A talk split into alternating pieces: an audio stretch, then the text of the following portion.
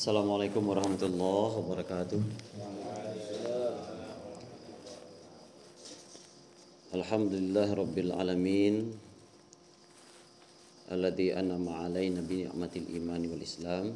Asyhadu an la ilaha illallah wahdah la syarikalah wa asyhadu anna Muhammadan abduhu wa rasuluhu la nabiyya ba'dah.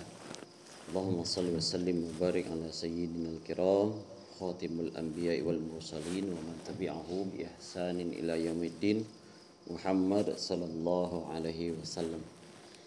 Kita bersyukur hanya kepada Allah Subhanahu wa taala dari segala apa yang telah kita terima.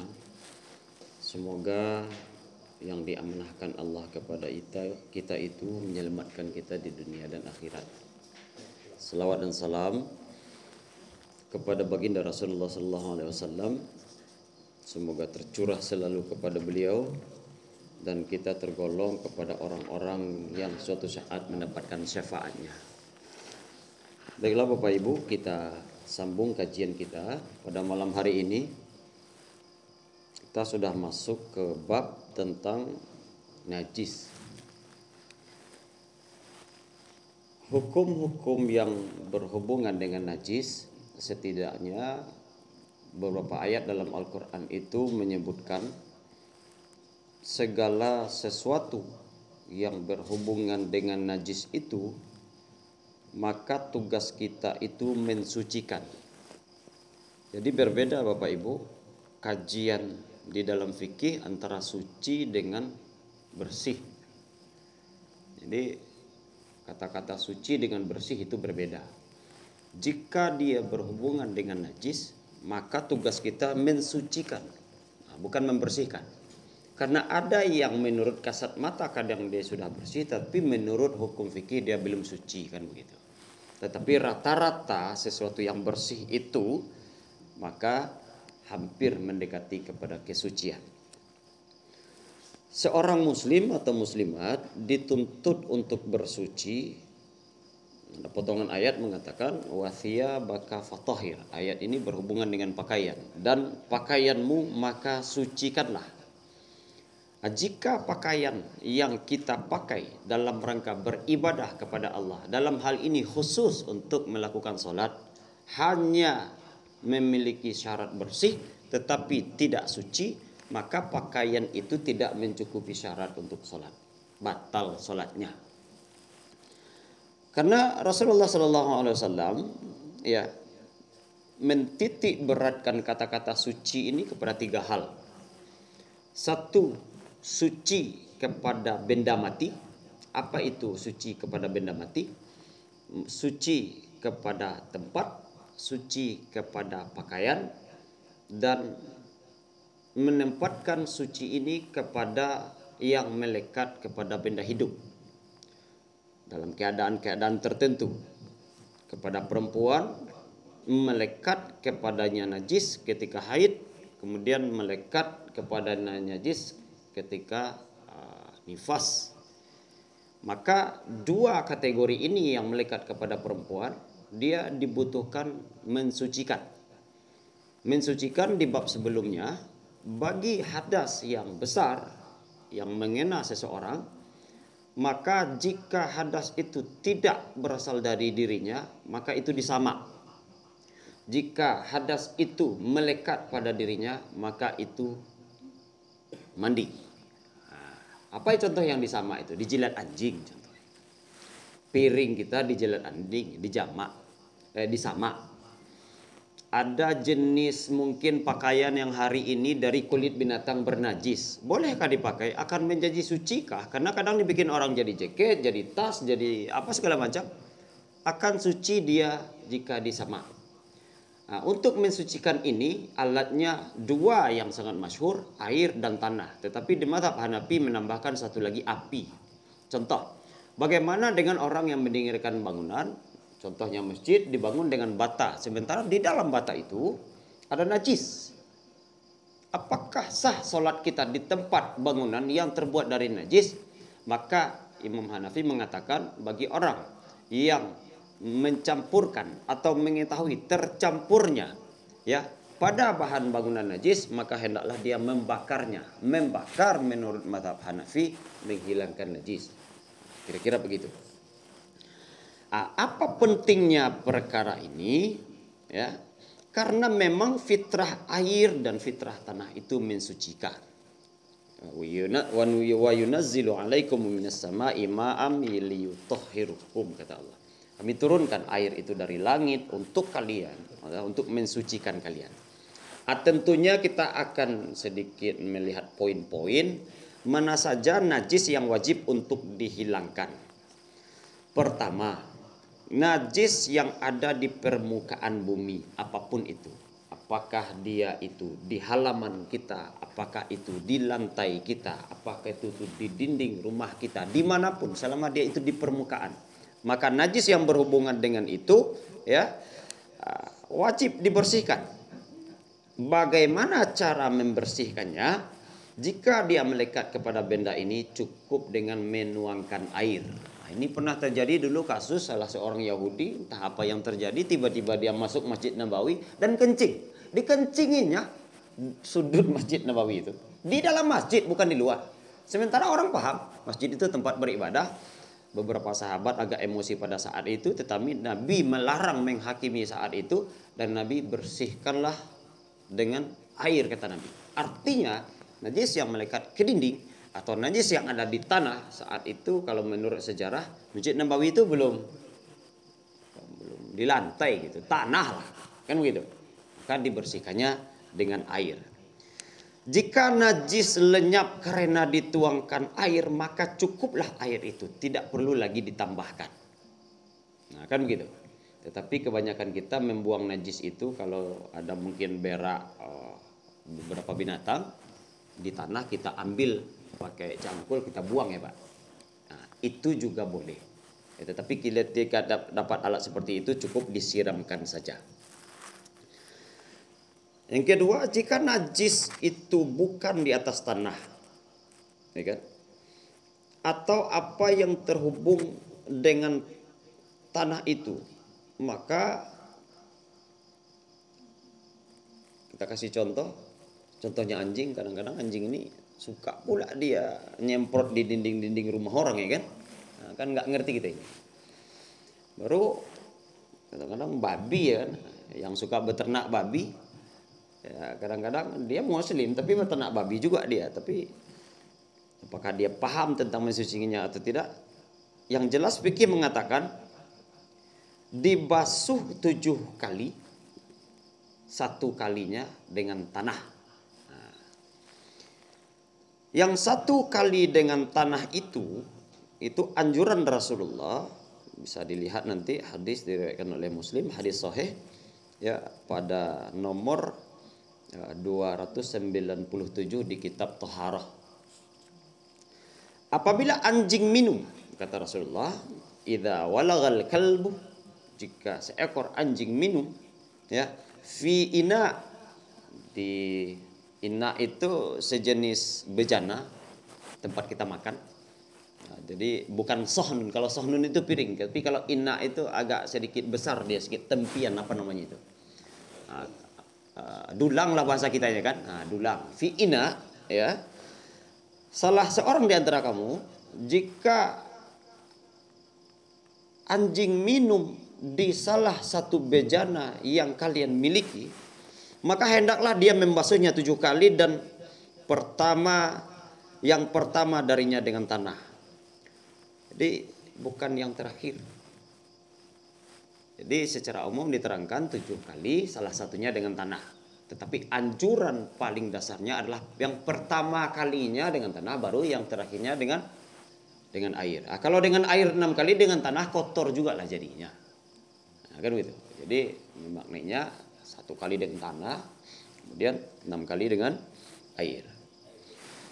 Jika najisnya tidak berasal dari anjing atau babi, hmm, kadang-kadang kotoran ayam, kotoran kambing, kotoran manusia bahkan atau semisal dengan itu, maka dia dicuci dengan air jika dia sumber, jika sumber yang kena itu bukan objek yang kena itu menyerap air, maka itu wajib diperas.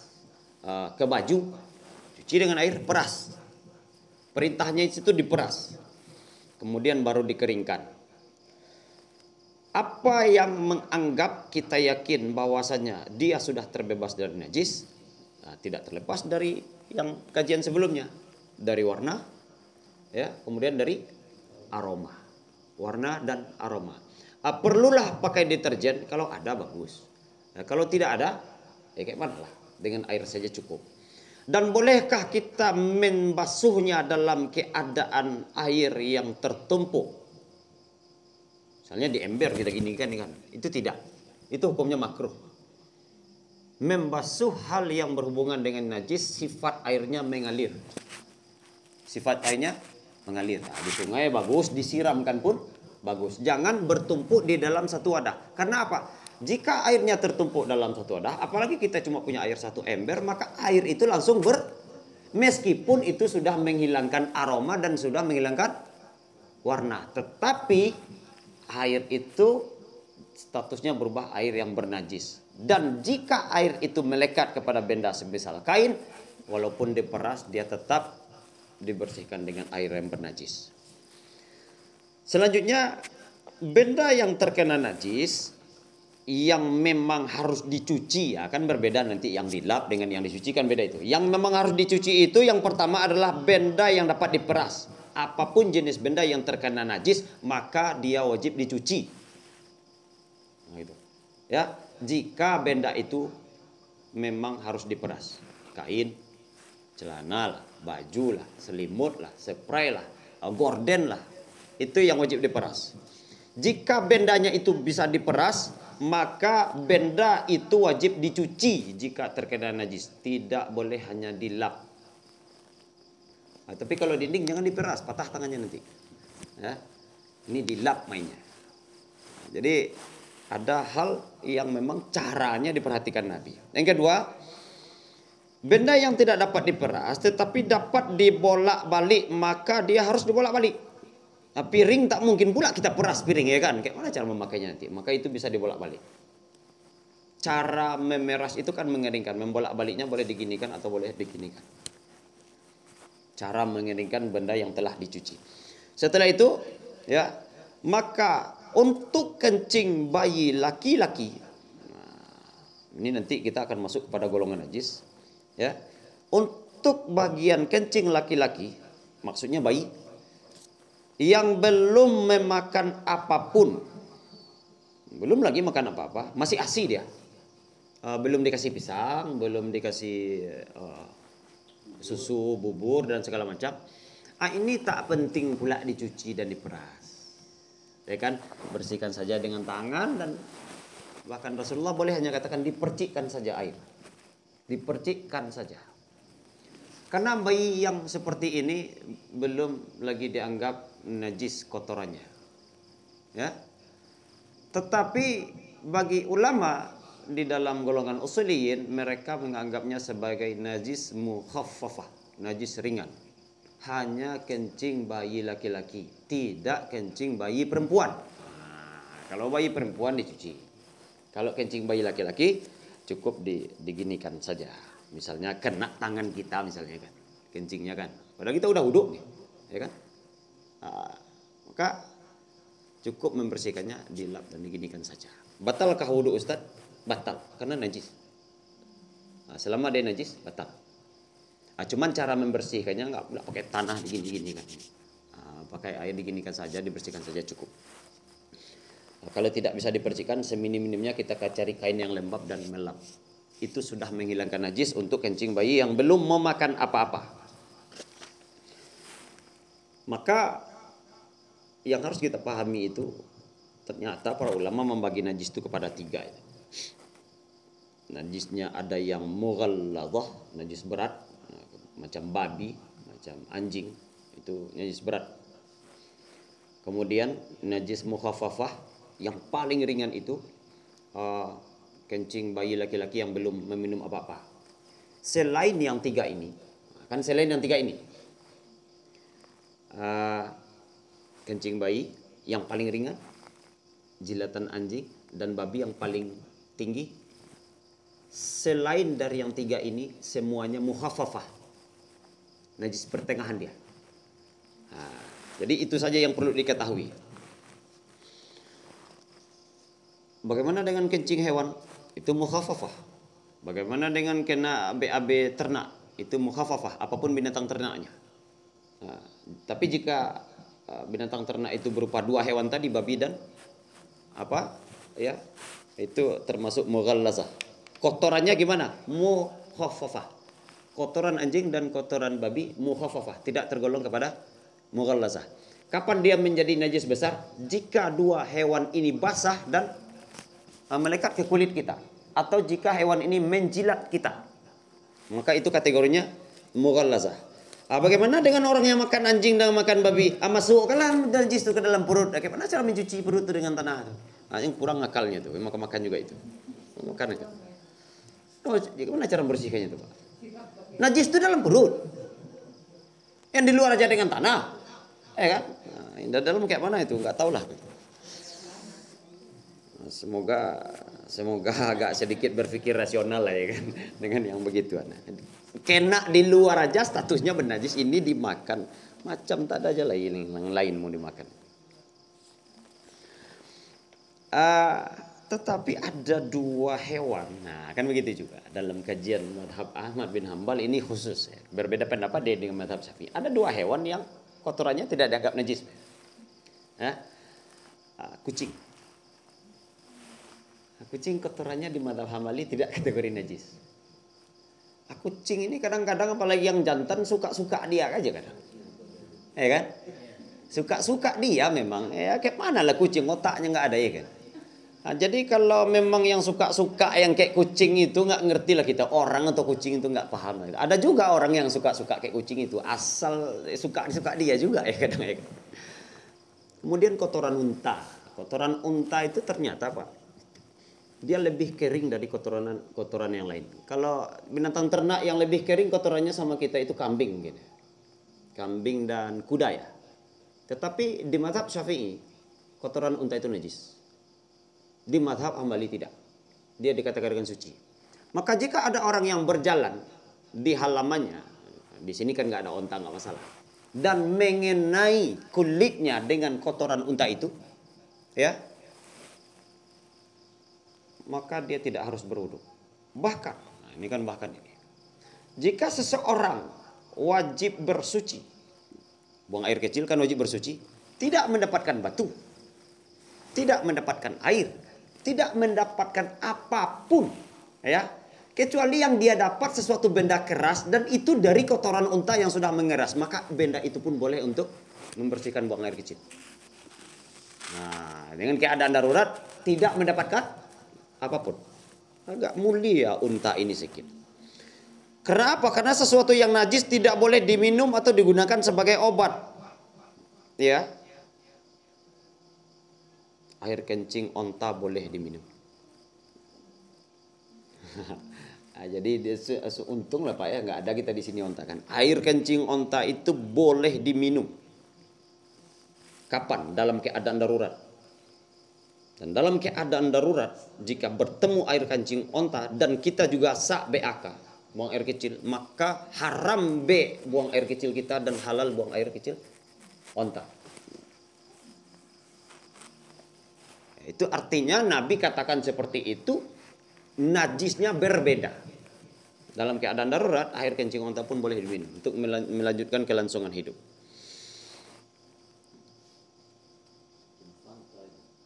Hmm? Nah, di sini nggak ada onta ya Pak. Ya.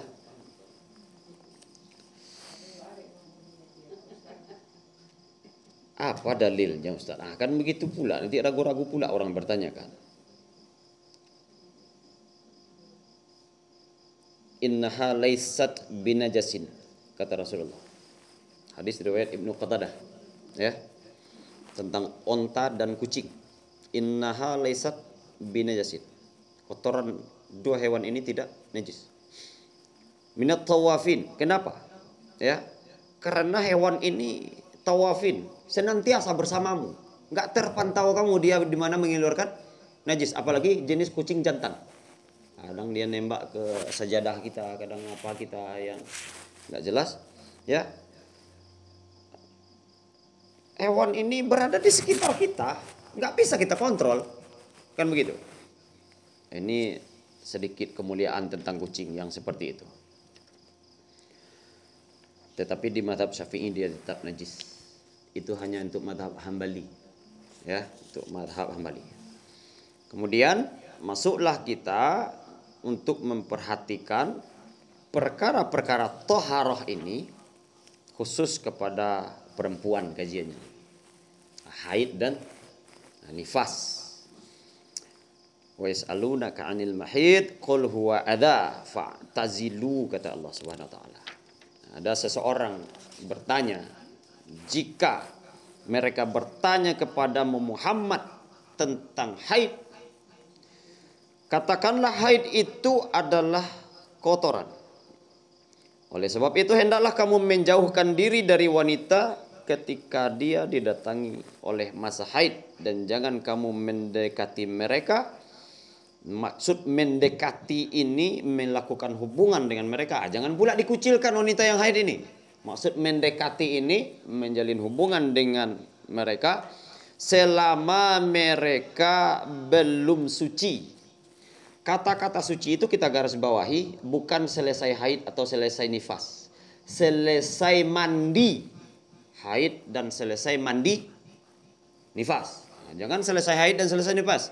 Tetap dia berhadas besar selama dia belum mandi. Nah, jadi mandi itulah batasnya. Apabila mereka telah suci maka silakan dicampuri menurut apa yang dikatakan Allah dan dianjurkan Allah. Maka bagi perempuan ya ini bawaan. Nah, itulah perbedaan perempuan dengan laki-laki. Perempuan bisa haid. Kalau boleh saya katakan secara biologi ini rahim. Kemudian ada simpang tiga perempuan di sini. Di dinding rahim itu panjang rahim itu 2 sampai 6 cm, ada yang 2 sampai 8 cm. Jika terjadi penyusutan rahim hanya 1 sampai 2 cm, itu kemungkinan secara medis eh, perempuan mengalami kista ovarium prefectum. Eh, kok tahu saat istri saya kerjanya itu, makanya sedikit baca, sedikit diskusi ada ilmunya.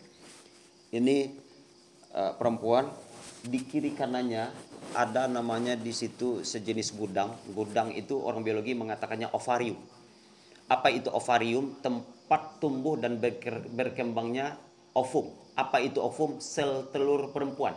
Sel telur perempuan ini di masa-masa tertentu per bulan dia matang. Dia matang. Jika sel telur ini tidak dibuahi oleh sperma atau sel pejantan, maka sel telur ini akan membusuk.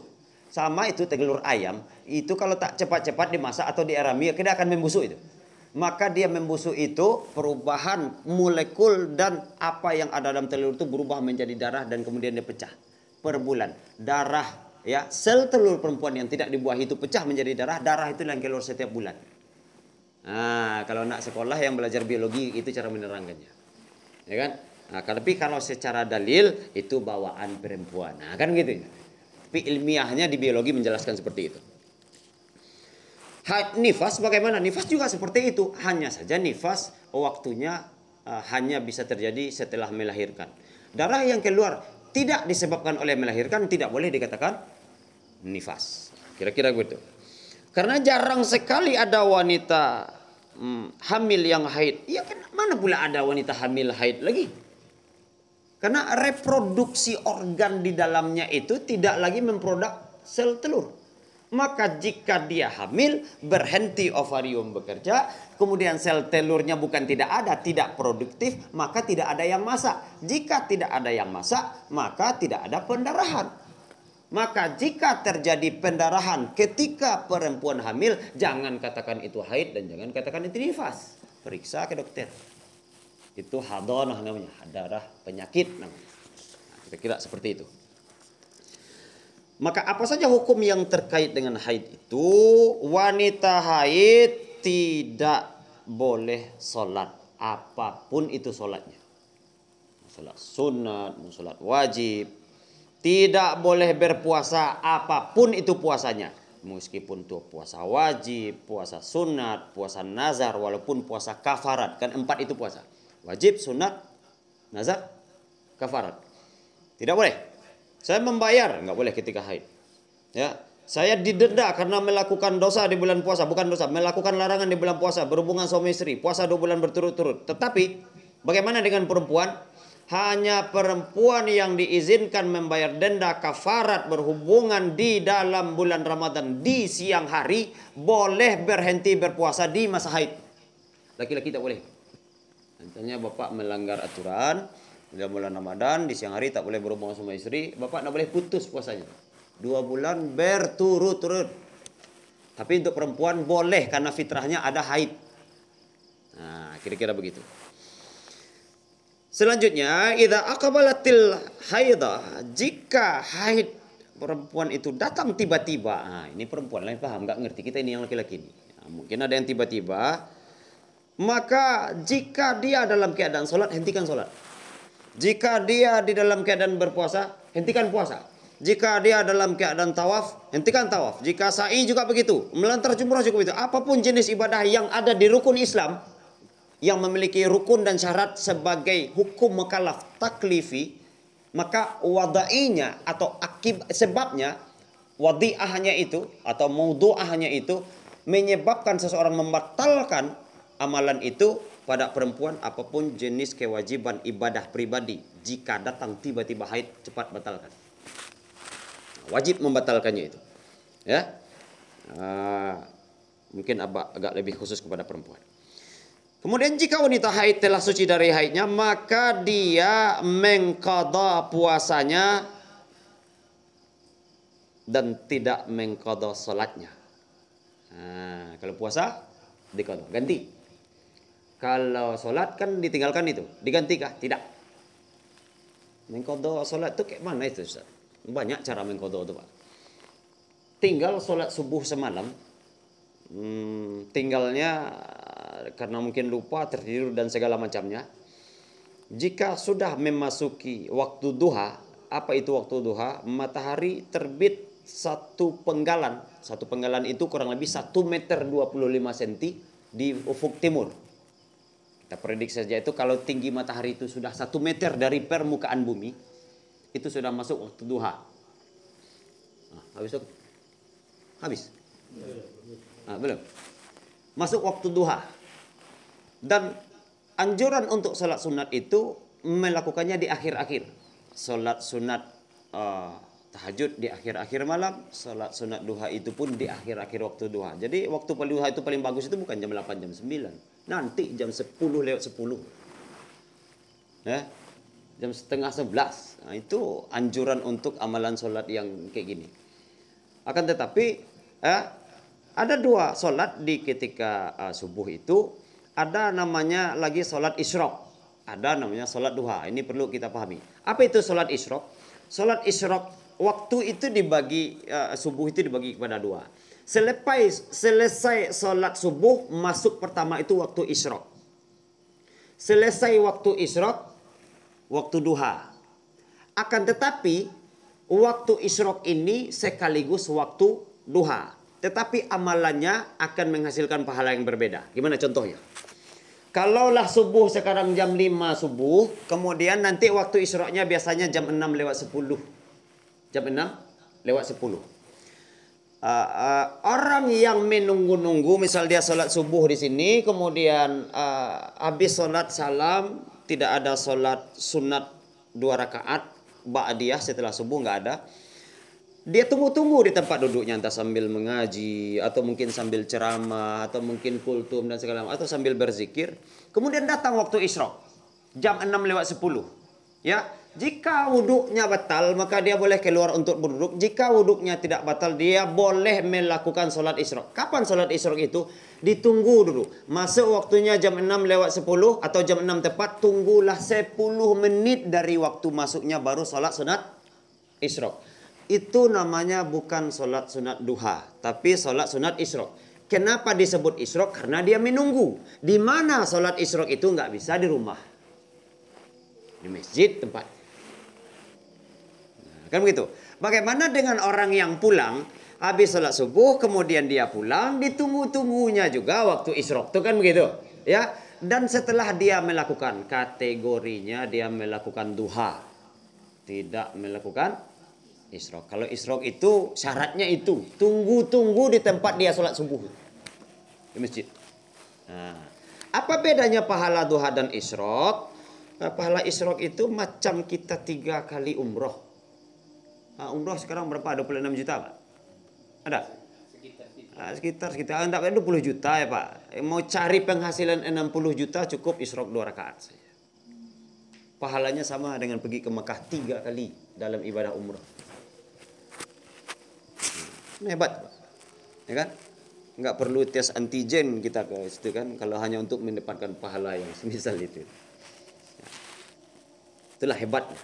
Jadi itu nanti kajiannya di fadilah-fadilah. Tetapi untuk membedakan. Bagaimana dengan orang yang hmm, tidak melakukan sholat duha? Menurut madhab syafi'i, orang yang telah melakukan sholat isyrok, dia boleh melakukan duha lagi nanti. Tetapi jika dia tidak melakukan sholat duha, dia sudah mendapatkan pahala duha. Nah, kira-kira begitu. Itu dalam waktu dan timing tentang sholat. Haid nifas bagi perempuan jika datang tiba-tiba batalkan segala apa yang berhubungan dengan ibadah fardiyah.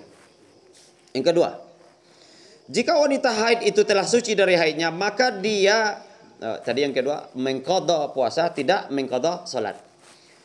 Orang yang tertinggal salat kemarin subuh bayar besok subuh atau tadi subuh tinggal bayar besok subuh. Jadi kalau kita lihat orang salat subuh ada lagi sholatnya dua rakaat pak setelah sholat subuh.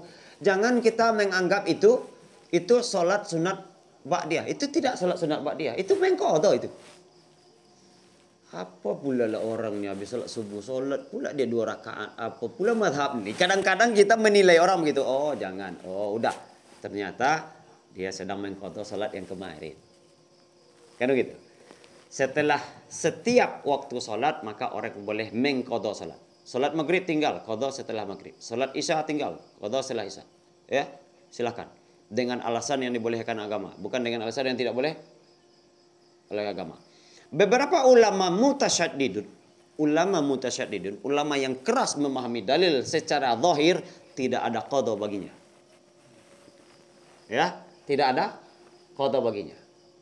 Bagi ulama yang mutasahilun, beberapa golongan dari uh, madhab syafi'i datang kasus. Kayak mana itu Ustaz? Apa itu? Nggak pernah lah aku sholat itu Pak. Dari dulu lah. Tapi sekarang gampang-gampang juga setelah dengar-dengar kajian. Udah puluhan tahun pula ditinggalkannya kan begitu? Mana cara mengkodonya itu? Dua hal. Jika kamu ingat apa yang kamu tinggalkan maka bayar sesuai dengan yang kamu ingat tetapi jika itu memberatkan kamu untuk hijrah kamu, maka minta ampunlah kepada Allah dan Allah sungguh maha pengampun. Orang yang lupa bilangannya setahun, dua tahun, tiga tahun ditinggalkannya sholatnya Pak. Boleh dengan bertobat. Bertobat tiga kali boleh. Ya, uh, Bapak sekarang Muslim. Nah, digoyang-goyang otaknya sama orang kafir, ah, pindah Pak Kristen. Baru nggak dapat perhatian lagi ke Kristen. Mau masuk Muslim lagi, boleh sekali. Tobat. Mandi wajib lagi. Baru setelah itu datang pula keadaan pelik digoyang-goyang masuk lagi Kristen. Ya. Baru setelah itu nggak diperhatikan lagi mau masuk Islam lagi. Boleh dua kali. Tiga kali tak ada jatah. Nah, jadi tobat itu dimaklumi untuk dua kali. Yang ketiga wanita haid yang tidak boleh yang dalam keadaan haid itu dia tidak boleh tawaf. Dia tak boleh baca Quran. Membaca Al-Quran itu dipahami oleh para ulama itu diambilnya mushaf, dibolak-baliknya, dipegangnya, dibacanya. Ini membaca. Tetapi kalau ada tulisan Al-Quran di dinding, tadi mana nampak dia, wanita itu dalam keadaan hamid, dibacanya nggak apa-apa. Ya, nggak masalah. Ya, memegang, memegang mushaf nggak boleh. Ya, Pendapat paling rojih meskipun itu di mazhab ulama mutasahilun, mayoritas pengikut syafi'i. Ya. Tak ada cerita bagi perempuan itu memegang Al-Quran langsung. Ketika haid. Bagaimana kalau dia para hufaz, para pemelihara Al-Quran dengan cara menghafalnya? Ya, kan begitu. Maka dia tidak boleh memakai mushaf murni. Ah, mana mushaf murni? Ah, ini tidak mushaf murni namanya nih. Ini boleh dipegang oleh orang haid kalau penghafal Al-Quran nih. Karena ada bahasa Indonesianya. Apalagi yang ada tafsirnya. Ini tidak musa murni. Ah, yang musa murni kayak gitu. Itu musa murni itu. Enggak ada kan? Yang lama itu musa murni. Itu dilarang. Enggak boleh. Saking hati-hatinya ulama Syafi'i. Ya. Jadi bagi anak-anak kita yang menghafal Al-Qur'an, ya, jika murojaah dianjurkan ya dari pendapat ijtihad para ulama Syafi'i ya mengatakan bahwasanya lapisilah untuk adab tanganmu itu meskipun kau sudah suci pada dasarnya bagian luarmu tetapi kau dalam keadaan bernajis berhadas besar. Lapisi tangan maka boleh memegangnya. Tapi cara yang paling baik adalah memurojaahnya. Apa memurojaahnya bagi penghafal Al-Quran? Peganglah Al-Quran bagi yang tidak haid, maka murojaahnya boleh bagi orang yang haid. Jadi apa hukum murojaah Al-Quran? Murojaah hafalan bagi wanita haid. Karena kekhawatiran, jika karena kekhawatiran hilang hafalannya, maka hukumnya jais. Saya tidak katakan mubah ya, jais. Jais itu hukumnya hukum etika. Jais itu hukumnya hukum moral. Tetapi kalau hukum mubah itu hukumnya hukum fikih. Apa maksud jais? Boleh. Ya. Tetapi perhatikan adab. Tapi kalau mubah ya, ada lagi nanti mandub sama itu, jais, mubah, mandub, sunnah, sama itu kategorinya semuanya. Tetapi pemakaian kata itu oleh ulama berbeda cara memakainya. Bagi wanita. Bagaimana dia kalau jika masuk masjid? Tak boleh. Kecuali dalam keadaan darurat. Tinggal kuncinya di masjid, mamanya pergi ke masjid, pergi pengajian. Dia baru pulang, ntar keadaan haid. Boleh masuk ke masjid, ambil kunci, pergi keluar lagi. Tidak ada masalah. Ya, yang masjid yang mana nih Ustaz? Kalau ini yang disebut dengan masjid yang dipandang oleh ulama madhab itu yang di dalam nih. Itu teras masjid namanya. Nggak apa-apa. Kalau ada aktivitas jual beli di dalam ini hukumnya haram di teras halal. Ya, di dalam ini haram. Di, di, di teras halal. Hukum teras sama dengan hukum halaman. Ya, kira-kira begitu. Apalagi yang tidak boleh bersenang-senang orang yang halal ya bersenang-senang antara suami istri dalam keadaan ahid jika itu berhubungan dengan kelamin tidak boleh bersenang-senang jika tidak berhubungan dengan dakhala biha boleh. Nah, kalau tidak intim bersenang-senangnya boleh. Meskipun istri dalam keadaan haid. Suami tidak boleh kalau yang punya istri ini mentalak istri ketika dalam keadaan haid. Nah, karena mungkin tidak uh, kunjung bisa mengontrol diri, memang salah satu tugas perempuan itu sebagai istri melayani suami, tapi fitrahnya haid dan nifas saat itu. Bangkit pula emosinya datang pula setan kelas tinggi itu kan tak terkontrol dia ditalaknya istrinya. Tidak sah talak ketika istri sedang uh, haid. Apa catatan yang paling penting di sini? Jika wanita haid atau nifas telah suci sebelum matahari itu terbenam, asar mungkin ya kan, atau menjelang-jelang maghrib, jika wanita ini telah terlepas dari haid dan nifasnya, maka dia harus uh, dianjurkan.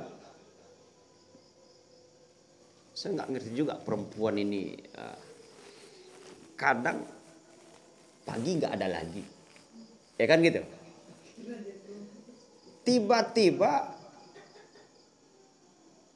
dia menganggap dirinya suci untuk sholat zuhur. Dia mandilah sebelum zuhur.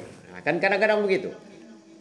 Dan ternyata menjelang asar ada lagi. Sangat sedikit. Darah haid itu ibu-ibu, oh bapak, sedikit atau banyak itu najis. Sedikit atau banyaknya itu najis. Berbeda itu darah haid dengan darah sisa haid. Nah, di sinilah terjadi masalah fikih kontemporer. Jika yang keluar itu darah sisa haid atau artinya darah yang melekat, bukan darah yang mengalir. Ya, darah yang melekat. Kemudian dia suci sebelum maghrib, maka perempuan yang seperti ini wajib sholat zuhur dan asar. Ya, maka perempuan seperti ini wajib sholat zuhur dan asar. Jika itu darah sisa. Kayak mana itu darah sisa Ustaz? Ah, enggak tahu lah itu, yang perempuan itu. Ya. Dia kan tahu itu, mengalir memiliki rasa. Mengalir itu memiliki rasa. Dia keluar itu ada rasanya. Entah rasa kayak mana rasanya perempuan itu. Tetapi berdarah tetapi tidak memiliki rasa kepada perempuan itu berarti darah sisa. Jika itu yang tampak dan membekas terakhir laki meskipun sedikit, jika tidak memberikan respon kepada tubuh, kategorinya darah sisa, wajib sholat zuhur dan asar. Ya, tetapi kalau mengalirnya sedikit tapi terasa bagi perempuan itu. Tidak wajib salat zuhur dan sah. Hmm. Maaf ibu ya, agak sedikit uh, tapi mama saya perempuan juga nya. Adik-adik kakak-kakak perempuan juga nya, tapi kurang lebih begitulah. Ya, enggak enggak bisa saya rasakan kalau yang itu. Susah untuk melogikanya. Maka untuk menyikapi hal yang seperti itu, yang keadaan-keadaan yang aneh-aneh seperti itu, jadi saya ingatkan lagi, jika darah itu darah sisa, wanita haid atau nifas ini telah suci sebelum matahari terbenam. Maka dia harus sholat zuhur dan asar untuk hari itu. Dan siapa saja yang telah suci dari haid dan nifas sebelum terbit fajar, malam itu maksudnya ya, sebelum subuh itu, sebelum terbit dan fajar itu, maka dia harus sholat maghrib dan isya. Dan karena waktu sholat keduanya adalah waktu untuk sholat pertama bagi orang yang uh, haid dan nifas. Maka para ulama madhab dalam hal ini dari golongan salafi yang berfatwa Ibnu Taimiyah Kemudian dari madhab maliki berba, berbeda pandangan lagi. Dari madhab syafi'i berpandangan lain lagi. Tetapi mayoritas ulama, mayoritas bahasanya, tidak sepakat ini. Mayoritas, kebanyakan. Siapa itu? Dari madhab malikiyah. Kemudian dari madhab syafi'i. Dan dari madhab Ahmad bin Hambal. Mereka mengatakan bahwasanya jika perempuan haid telah suci di akhir siang. Di akhir siang maka dia harus sholat zuhur dan asar. Kenapa? Karena waktu zuhur itu masih ada. Ya, akhir siang itu kan sebelum asar namanya itu. Ya kan? Sudah suci dalam keadaan itu, mandilah saat itu selama waktu sholat itu masih ada wajib dia sholat zuhur itu. Jika dia di akhir sore menjelang maghrib, Mandi kita sebelum maghrib. Waktu sholat asar masih ada. Kita sudah suci. Mandi saat itu, sholat asar saat itu juga. Meskipun itu di waktu-waktu yang akhir. Jadi yang menghukumnya sucinya seseorang ya mandi dan waktu untuk melakukan sholat itu masih ada. Menurut mayoritas ulama cuma begitu. Jika dia di akhir asar dia tak wajib zuhur, tetapi wajib hanya asar. Jika dia di akhir zuhur, maka dia wajib zuhur dan wajib asar, tidak wajib ke subuh. Nah, kira-kira begitu. Jika dia di akhir maghrib menjelang isya, maka ya dia tidak salat maghrib, tetapi dia nanti salat isya saja. Ada pertanyaan? Malu ibu-ibu bertanya tentang masalah perempuannya. Ya. Ada lagi bagi perempuan istihadah, ya Pak. uh, masalah perempuan ini Pak ya? Iya. Oh, ya.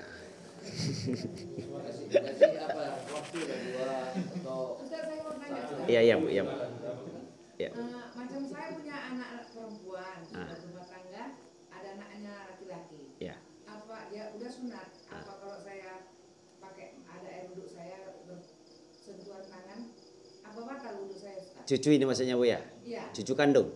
Cucu anak dari perempuan. Ustaz. Anak dari perempuan? Iya dia sudah balik dan berakal. Oh, Oke, sudah balik berakal. Uh, itu tinggal bersama ibu. Iya. Ibu penganut madhab apa?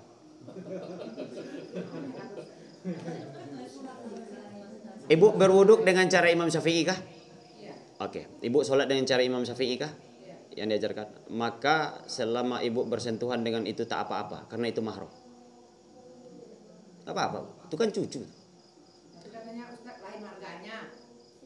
Katanya ada yang bilang katanya Anak laki-laki. anak dari anak ibu kan? Yang perempuan anak saya Ustaz. Itu kan cucu tuh bu. Iya. Mau anak ibu yang perempuan, mau anak ibu yang laki-laki yang mereka lahirkan karena berkeluarga itu cucu bu. Sebagian ada bilang membatalkan Ustaz. Makanya saya biar jelas saya tanya. Nggak kenapa membatalkan apa alasannya? Jangan-jangan pertanyaannya nggak begitu atau kejadiannya nggak begitu. Karena kan udah lain marga katanya Ustaz. Oh marga nggak ada di fikihmu, nggak ada di sini marga. Maksudnya dari anak laki-laki. Nggak, nggak, nggak. Nggak. Tidak batal wuduk selama dia mahram. Yang tidak mahram yang ada di rumah itu biasanya, biasanya nih yang tidak mahram itu suami, pembantu, tamu, itu tak mahram. Tetapi kalau kakek, nenek, mana yang mahram? Ustaz? Yang mahram itu dua itu. Selama dia berhak atas warisan mahram. Mau ke atas, mau ke bawah. Mau dari kakek, mau dari cucu. Selama masuk namanya boleh menerima harta warisan itu mahram. Ya kan? Tetapi suami berhak menerima warisan. Ya kan? Karena suami orang luar yang ke dalam, maka untuk suami berbeda pendapat madhab. Di madhab syafi'i bersentuhan laki-laki dan perempuan meskipun dia suami istri yang fanatik terhadap syafi'i batal wudhu. Batal. Tapi sebagian ulama syafi'i mengatakan tidak batal wudhu. Nah ibu memakai yang mana? Kalau saya memakai yang batal wudhu. Saya mau eh, yang batal wudhu Ustaz. Ah sama kita itu. Karena macam mana pun kita namanya suami istri kan suatu saat bisa juga kita berpisah. Ada sebagian yang seperti itu kan. Ada dalil yang mengatakan Aisyah pernah menyentuh Nabi ketika sholat dan Nabi tidak membatalkan sholatnya. Nabi sedang keadaan sholat, kemudian Aisyah menyentuh kaki Nabi. Tetapi Nabi tidak membatalkan sholatnya. Nabi dan Aisyah tidak mahram, tapi dia suami istri. Dan kenapa itu tidak membatalkan? Maka ulama syafi'iyah mutakallimin akhirnya mengatakan jika sedang sholat dan sentuhan itu tidak karena syahwat itu tidak membatalkan wudhu. Ah kan kan Bercanda-bercanda dia bu. dibilangnya nggak batalnya itu katanya. Kenapa nggak batal? Saya bilang batal. Saya bilang itu aja Ustaz. Sampai di situ sajanya. Iyalah. Oh. Oke, waktu kita sudah habis. Yang membatalkan wudhu itu fokus intinya syahwat. Laki-laki bersentuhan dengan laki-laki nggak batal wudhunya. Sekarang saya bisa katakan batal. Karena sudah ada pula laki-laki yang suka sama laki-laki sekarang. Syahwat itu pak. Perempuan bersentuhan dengan perempuan tak batal wudhunya. Secara fikih tidak. Tetapi jika dia bersentuhan karena dia itu adalah perempuan yang menyukai perempuan, batal itu pak. Itu syahwat itu. Itu hasil kontemplasi daripada fikih kontemporer. Siapa yang memanfaatkan itu? Syekh Islam Yusuf Kordawi. Semoga ada manfaatnya. Fa'tabiru ya lil absar la'alakum turhamun. Assalamualaikum warahmatullahi wabarakatuh. Pak. Yuk sama-sama.